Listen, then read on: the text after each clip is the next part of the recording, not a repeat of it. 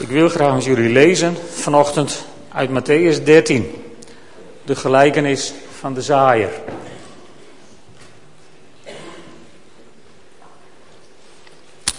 Matthäus 13, de eerste negen versen en dan vanaf vers 18 tot 23.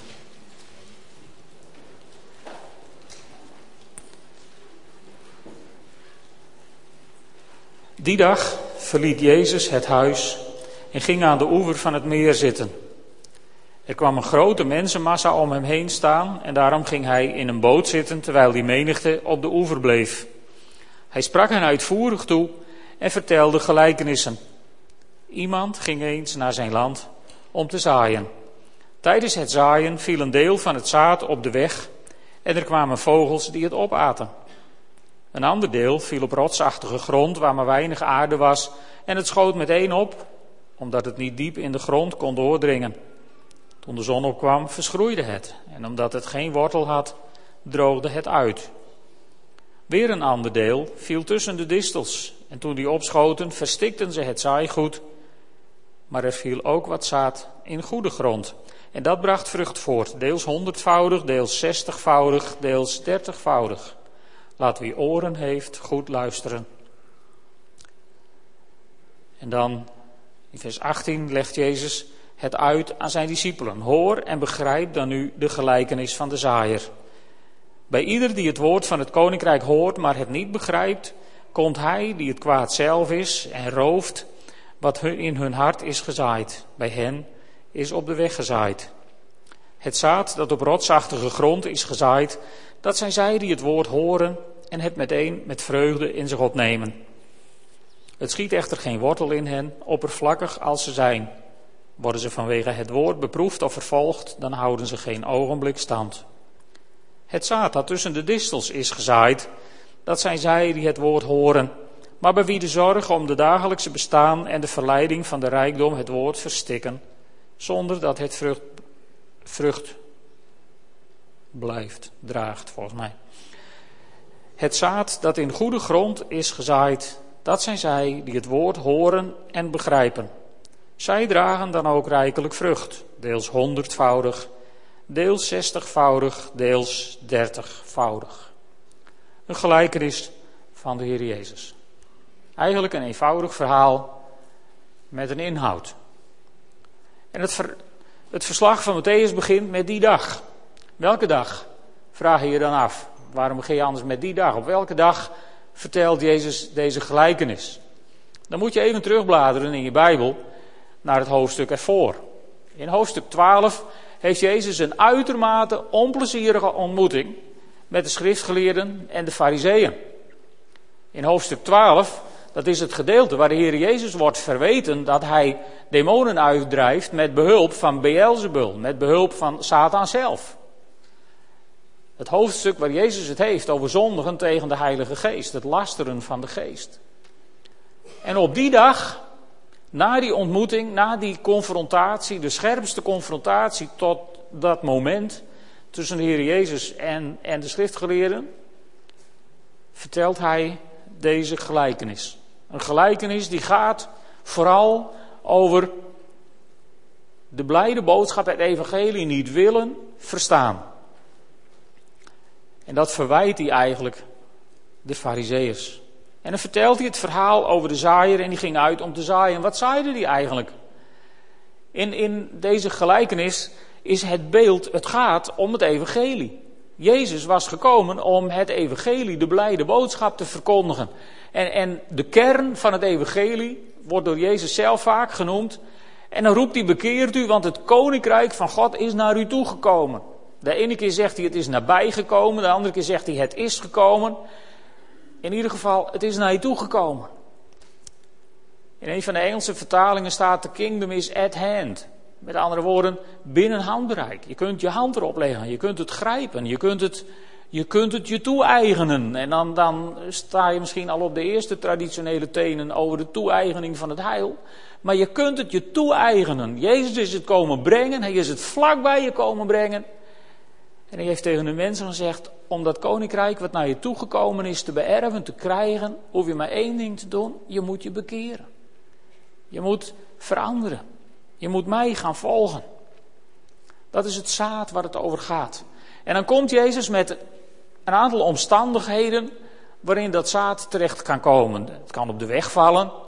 Het kan tussen de stenen of op rotsachtige bodem vallen, waar maar een klein beetje aarde op ligt.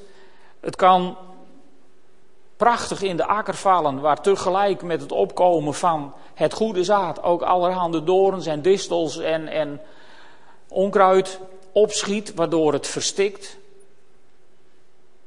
Want als amateurtuinier weet je zo langzamerhand dat onkruid altijd harder groeit dan datgene wat je graag zou willen laten groeien.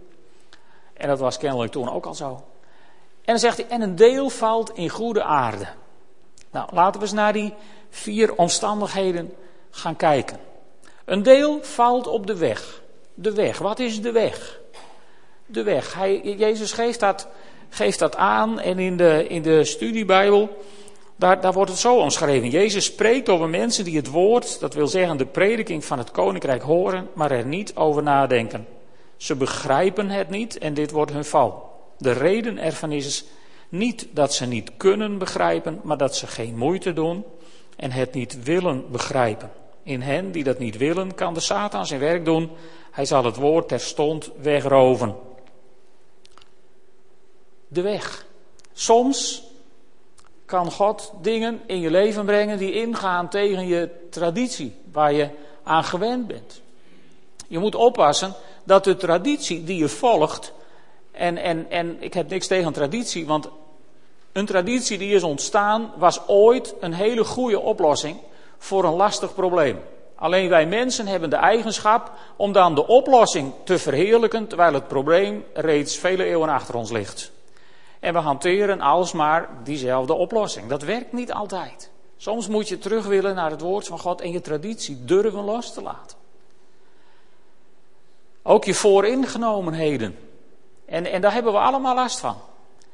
Allemaal, als wij de Bijbel lezen, dan, dan, dan komt dat binnen in onze hersenen en interpreteren wij wat er staat. En je, je vooringenomenheden, de dingen waarin je zeg maar bent opgevoed, die, waarin je ja, bent, bent grootgebracht, die bepalen voor een deel hoe je dan de schrift verstaat.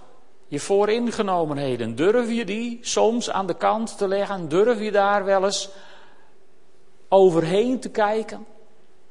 En eens te luisteren naar iemand die het misschien net iets anders interpreteert. En het kunnen ook andere dierbaarheden zijn die, die de weg zijn.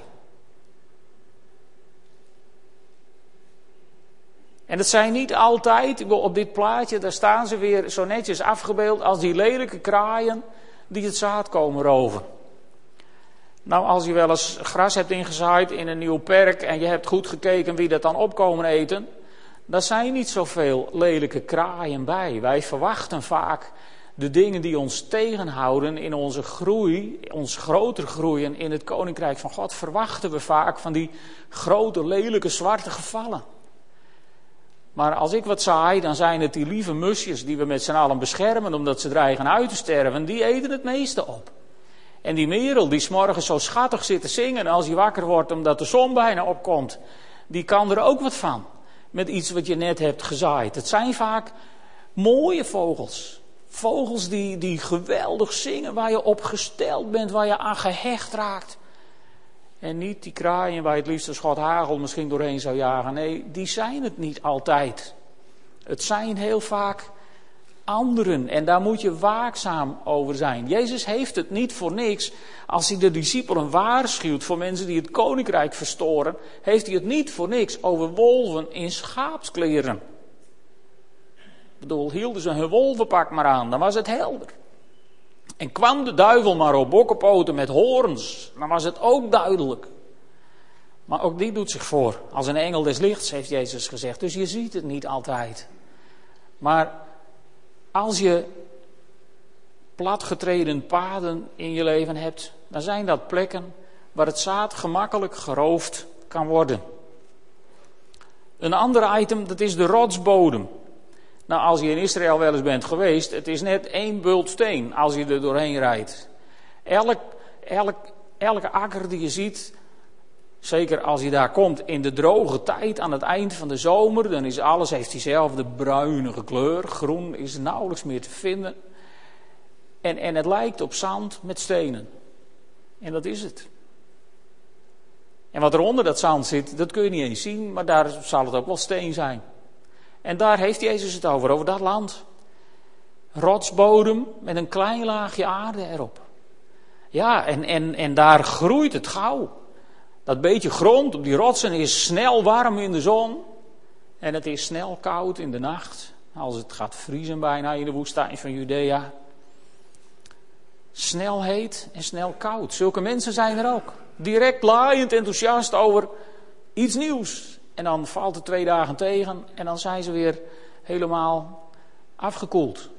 Zeg maar gemiddeld lauw, zou ik zeggen. En over die lauwe mensen zegt Jezus iets. In Openbaringen 4, daar, eh, dat moet je maar eens nalezen. In Openbaringen 4, vers 15 en 16 heeft, heeft, uh, heeft Jezus het tegen Johannes over, over de gemeente in Laodicea. En tegen die gemeente zegt hij, jullie zijn niet heet en jullie zijn niet koud. Was je maar heet of koud, maar omdat je nou zo lauw bent, zal ik je uitspugen uit mijn mond. Rotsbodem, als dat, je, als dat de typering is van uw geloof, dan moet er wat veranderen. Misschien moet er wat dynamisch, wat dynamiet van de Heilige Geest onder om die rotsbodem op te blazen. Zodat er diepere gronden kunnen ontstaan. Want weet je, dit, dit, zijn, dit zijn de mensen die altijd wel een reden hebben om niet naar de kerk te gaan. Er is elke zondag wel iets te bedenken om, om er niet te zijn. Er is elke dinsdagavond wel een reden te bedenken om niet naar een Bijbelstudie te gaan, om niet naar een kring te gaan. Eh, nou ja, ga zo maar door. Er is altijd wel een reden te bedenken. En als je daar wat voor open staat, voor redenen om niet te gaan, dan wil de duivel ze je met alle liefde per dozijn bezorgen. Dat is geen enkel probleem. En daar moet je ook niet in blijven hangen. Ook hier waarschuwt Jezus de discipelen voor. En dan heeft hij het over de doornen en de distels. Die opgroeien. Ja, want die zie je niet hè, als je aan het zaaien bent. Ik bedoel, ze zaaien aan het eind van de herfst en dan zie je ze niet. Bedoel, je zou niet zaaien in een akker vol dorens en distels. Dat, dat... Maar ja, als je ze niet ziet. Als ik aan het zaaien ben in de tuin, dan zie ik ze ook niet. Dan is de grond mooi zwart, want daar heb ik mijn best voor gedaan. En dan zaaien. En dan dek je dat mooi toe. En dan regent het een beetje, want God zegent. En dan gaat de zon erop schijnen, want ja, God zegent. En dan gaat het groeien. En dan komt er van alles op, behalve wat je gezaaid hebt, want dat duurt altijd een week langer. Zo is het hier waarschijnlijk ook. Er wordt gezaaid en dan ineens heeft Jezus het over doornen en distels. Dat hebben de Joden wel verstaan, doornen en distels. Dat was de vloek die Adam meekreeg voor zijn werk op de aarde na de zondeval. Weet je dat nog uit Genesis 3, vers 18? Dus ze hebben dat wel herkend. En, en, en waar gaat dat dan over? Nou, die, die, dit gaat vooral over de zorgen die je kunnen verstikken, die je geloof kan verstikken. Zorgen, vervolging was in die tijd natuurlijk heel actueel, tegenwoordig ook wel, alleen niet hier. Zorgen en rijkdom kan je natuurlijk ook tegenhouden, maar vooral die zorgen. En dat is niet goed. Jezus kwam naar deze wereld en hij zei niet voor niks bekeer je, want het koninkrijk van de hemel is nabijgekomen. En als je als je, als je jezelf hebt aangewend, zeg maar, in het stramien bent geraakt van, van je alsmaar zorgen maken, het ene noodscenario na het andere noodscenario uit, uitwerken in, in de houding van, nou stel nou dat, ja maar misschien zus, en, en als dat je levensstijl is, dan moet je je daarvan bekeren. Want wat moet je, met, wat moet je dan met die zorgen? Nou, daar zegt de Bijbel heel veel over, over zorgen. In 1 Petrus 5, vers 7, daar staat werp dan al uw bekommernissen op hem. NBG-vertaling. De nieuwe Bijbelvertaling zegt, je kunt je zorgen op hem afwentelen. Met andere woorden, er staat iemand klaar om die zorgen van je over te nemen. En bij hem kun je ze laten. Dat is natuurlijk de kunst. Het is niet 1, 2, 3 klaar.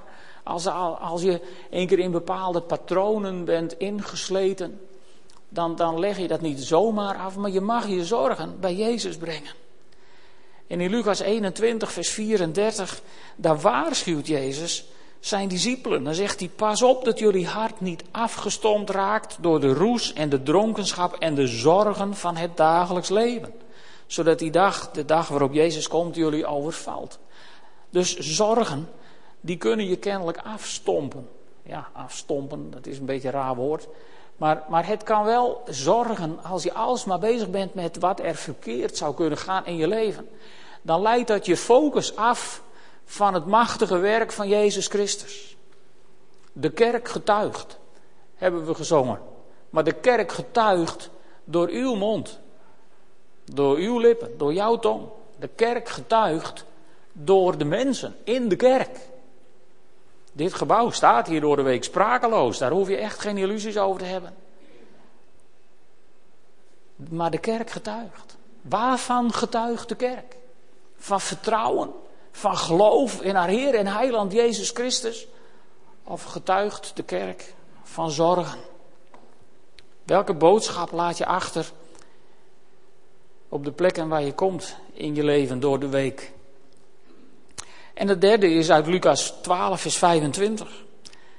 Daar zegt Jezus, wie van jullie kan door zich zorgen te maken één el aan zijn levensduur toevoegen? Met andere woorden, het is ook nog volstrekt zinloos. Door je zorgen te maken.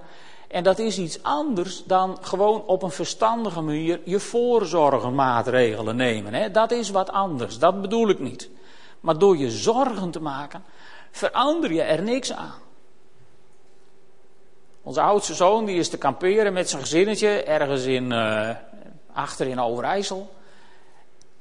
En dan doe je s'nachts even, even de radio aan en dan hoor je ineens op Omroep Friesland, waar geacht wordt alleen maar non-stop muziek te zijn, hoor je ineens iemand vertellen over allemaal caravans die de lucht in zijn gewaaid en in een meer zijn gevallen en allemaal bomen en allemaal hoogspanningsleidingen.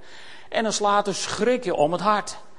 En dan denk je, help, waar is het precies? En dan vertellen ze maar over hoe het is. En ze zeggen nooit even waar. Hè? Dan opblaast hij veel de radio wel opvreten. Maar dat helpt ook niet. En eindelijk hoor je dan waar het is. En dan denk je, hè, gelukkig niet, niet daar. Maar andere mensen hebben ook dan weer in die zorgen gezeten. En toen belde ik de andere dag met mijn zoon. Ik zei, hebben jullie de nacht staan? Nou, hartstikke goed. Maar ze hadden wel hun voorzorgsmaatregelen getroffen. Extra touwen aan de tent en enzovoort. Allemaal voorzorg, dat is verstandig. En daarna hadden ze lekker geslapen, dat is ook verstandig. Want je kunt natuurlijk de hele nacht gewoon wakker blijven liggen van, oh, hoe zou het komen? Maar het heeft weer helemaal niet gewaaid. Dan had je voor niks de hele nacht wakker gelegen, weet je.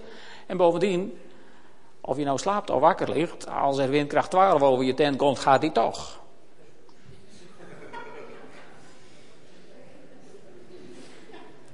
Zorgen maken is een zinloze bezigheid. Het verziekt je leven. En als je niet oppast, zijn het de doorns en de distels die je geloof verstikken. Want dat kleine plantje, wat wordt ingehaald door al die zorgen, ziet de zon niet meer. Krijgt de warmte niet meer die het nodig heeft om te groeien. En daardoor gaat het uiteindelijk dood. Het is een ernstige waarschuwing die Jezus geeft aan de discipelen. En dan komt hij terecht op de goede grond. De goede grond, wat is dan de goede grond? De goede grond. Wat zegt Matthäus daarover? Dat zijn zij die het woord horen. Even kijken hoor. Goede grond. Zij die het woord horen en begrijpen. Begrijpen. Oké, het woord horen en begrijpen. Soms kun je iets alleen begrijpen. Als je er even over wilt nadenken. Soms kun je iets alleen begrijpen als je bereid bent om even te luisteren naar wat er gezegd wordt. En dan ga je begrijpen. Marcus die zegt over in dezezelfde gelijkenis, het zijn zij die het woord in zich opnemen. Dus binnen laten komen.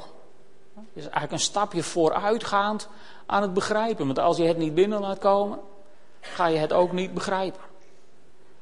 En in, in Lucas, daar wordt gezegd, het zijn zij die horen en het woord vasthouden.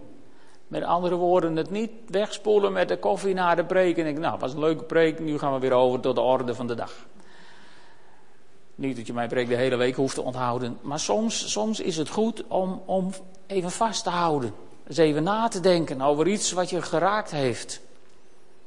En bovendien is het, is het bij Jezus gaat het altijd om het horen, om het verstaan en vervolgens om het doen. Vier omstandigheden waar het zaad in kan vallen. Vier omstandigheden waarvan er drie heel desastreus zijn en één gewoon heel gunstig. En dan komen we bij de zaaier.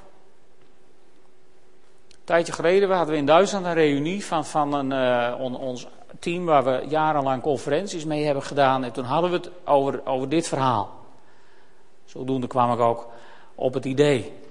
En toen deden we een rondje van, ja, wat, wat zegt dit over de zaaier? En toen was er een en die zei, nou, dat is een domme boer.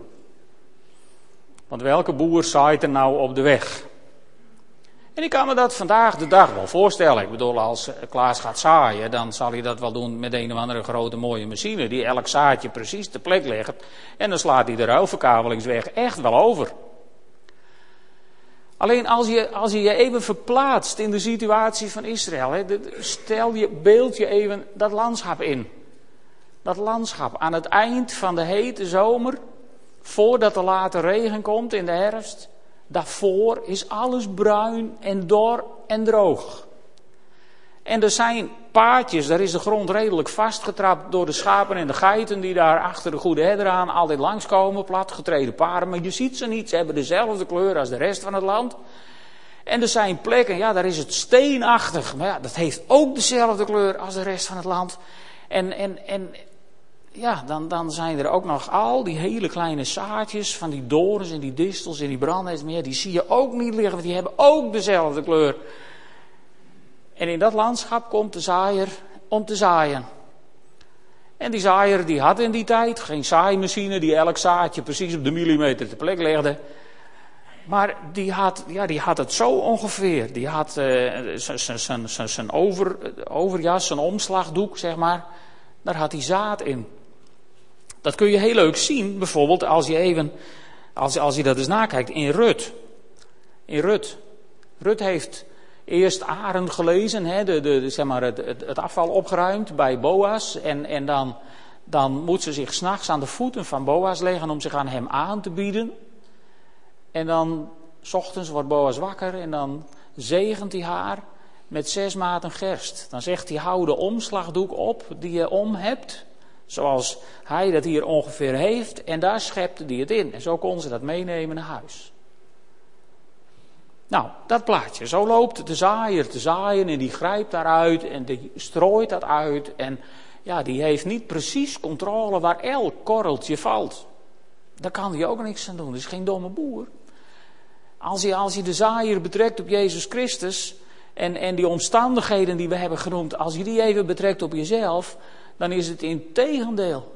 Dan is het eigenlijk, is het verhaal van de zaaier een beeld van eindeloze genade. Want laten we eerlijk zijn tegen elkaar. Iedereen van ons heeft platgetreden paden in zijn leven. Allemaal hebben we dat. Ieder van ons heeft rotsachtige plekken in zijn leven. Plekken waar je wat beton in gegoten hebt, zo vandaar raken ze mij niet weer. Ieder van ons heeft zaadjes in zich van dorens en distels. Want allemaal hebben we er wel eens last van dat zorgen die ons plotseling overvallen, dan loop je met ons nemen en met ons aan de haal gaan. Daar hebben we allemaal last van. En ondanks dat we er last van hebben, komt de zaaier langs en zaait hij de blijde boodschap in jouw leven en zegt hij, kom maar, want het koninkrijk van God is dicht bij je gekomen, is naar je toegekomen. Doe maar, kom maar, ontvang het maar. Want, weet je, misschien is Jezus een aardsnaïveling, ik weet niet hoe je hem wilt noemen. Maar dat nodigt ons dan in ieder geval ook uit om aardsnaïvelingen te zijn.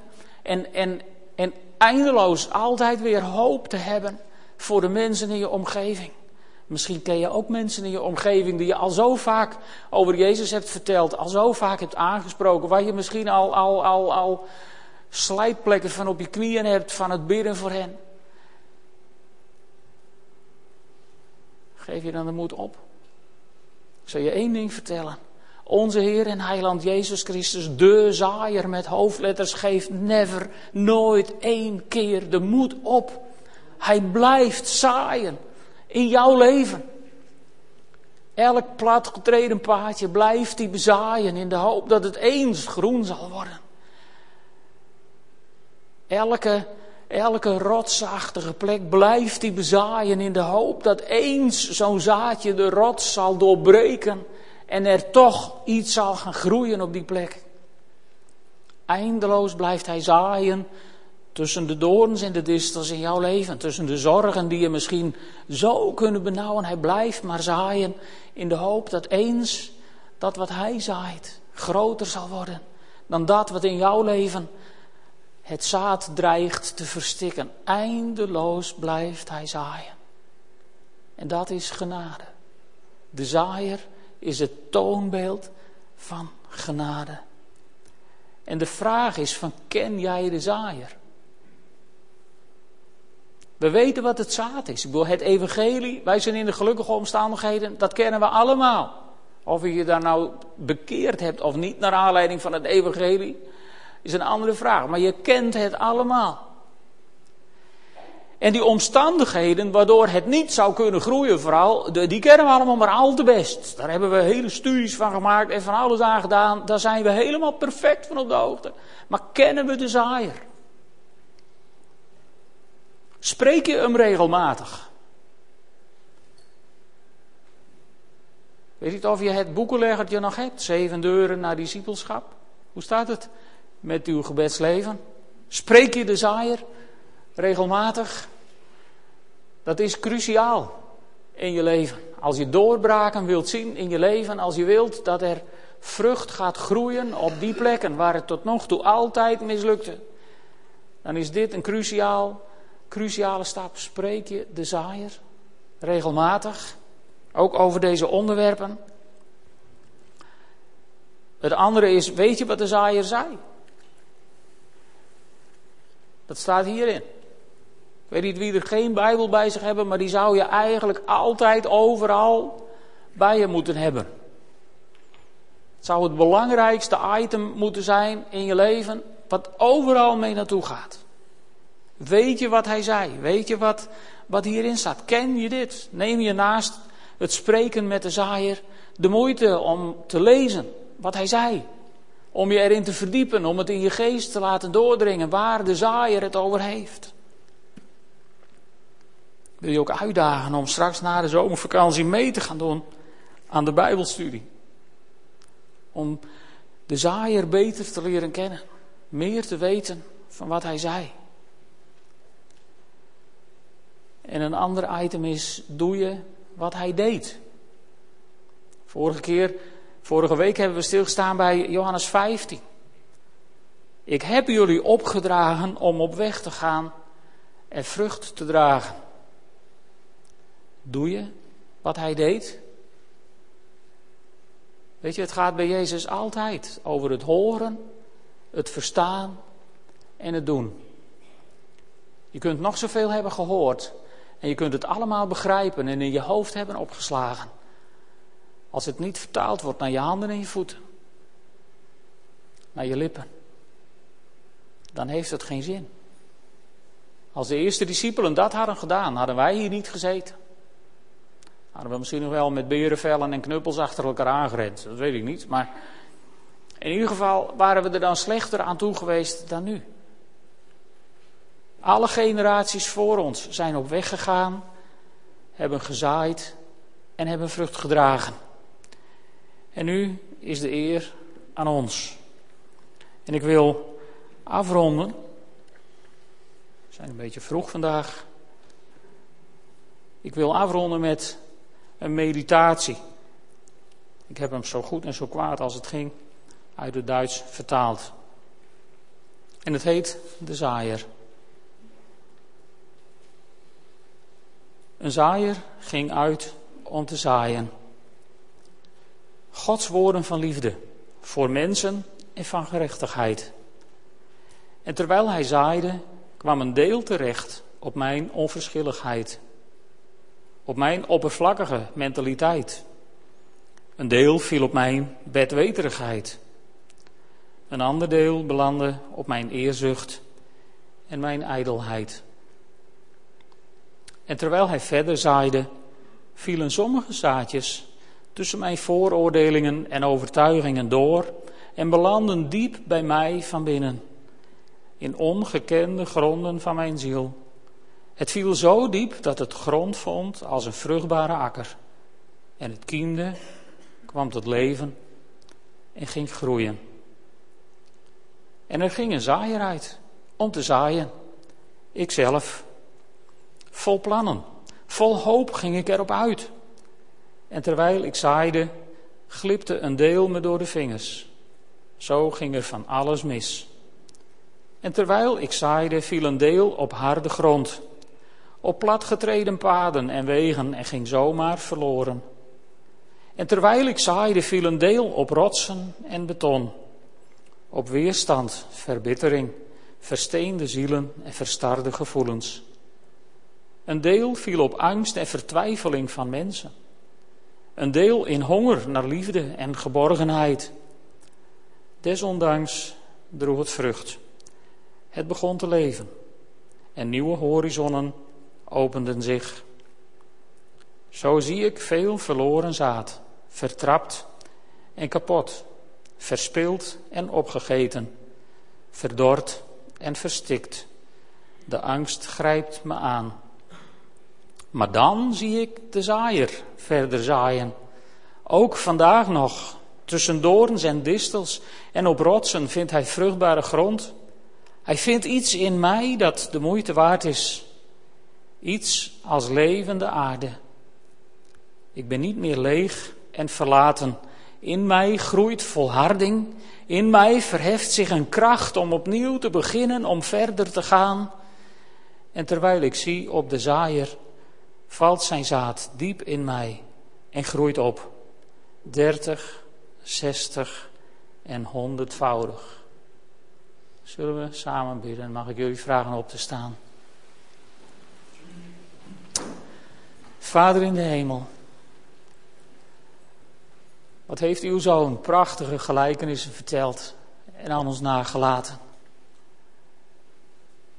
Heer, wat hebben we ze vaak gehoord? Wat hebben we er veel van geleerd? En ik bid u, wilt u ons er steeds meer door leren? Wilt u steeds verder gaan om ons te onderwijzen in de dingen van uw koninkrijk? En wilt u onze ogen openen, Heer, zodat we dat koninkrijk wat naar ons toegekomen is zullen zien, dat we het zullen grijpen, dat we het ter hand zullen nemen, dat we er naar zullen gaan leven? Heere God, dank u wel dat u ons onze buidel elke keer weer vult met nieuw zaad om te zaaien. En ik bid u, leer ons ook de trouw en de discipline en de volharding om zaaiers te worden in de levens van de mensen om ons heen. In Drachten, in Smallingenland, in, in onze wijde omgeving. Help ons, Heer, om zaaiers te worden. En behoed ons ervoor dat we bronnen zullen worden die dat opkomende zaad verstikt. Als er zulke plekken in onze levens zijn, hier, dan nodig ik u uit om, om te spreken door uw Heilige Geest, diep in ons hart. Laat u het dan maar zien, Heer. Openbaart u het maar. Onderwijs ons maar zo in de week die voor ons ligt. Heere God, maar bovenal dank ik u voor die grenzeloze genade van u. Heer, want u zaaide op mijn platgetreden paden. U zaaide op mijn versteende plekken. U zaaide tussen mijn zorgen. En overal vond u vruchtbare plekjes. Omdat u alsmaar doorging. Hier dank u wel dat u zo trouw houdt en nooit loslaat wat uw werk in een leven begon. Dank u wel daarvoor. Heer, u bent geweldig. U bent de superzaaier. En leer ons u daarin te volgen. Heer, dat bid ik van u. In de naam van Jezus Christus, onze Heer en Heiland. Amen.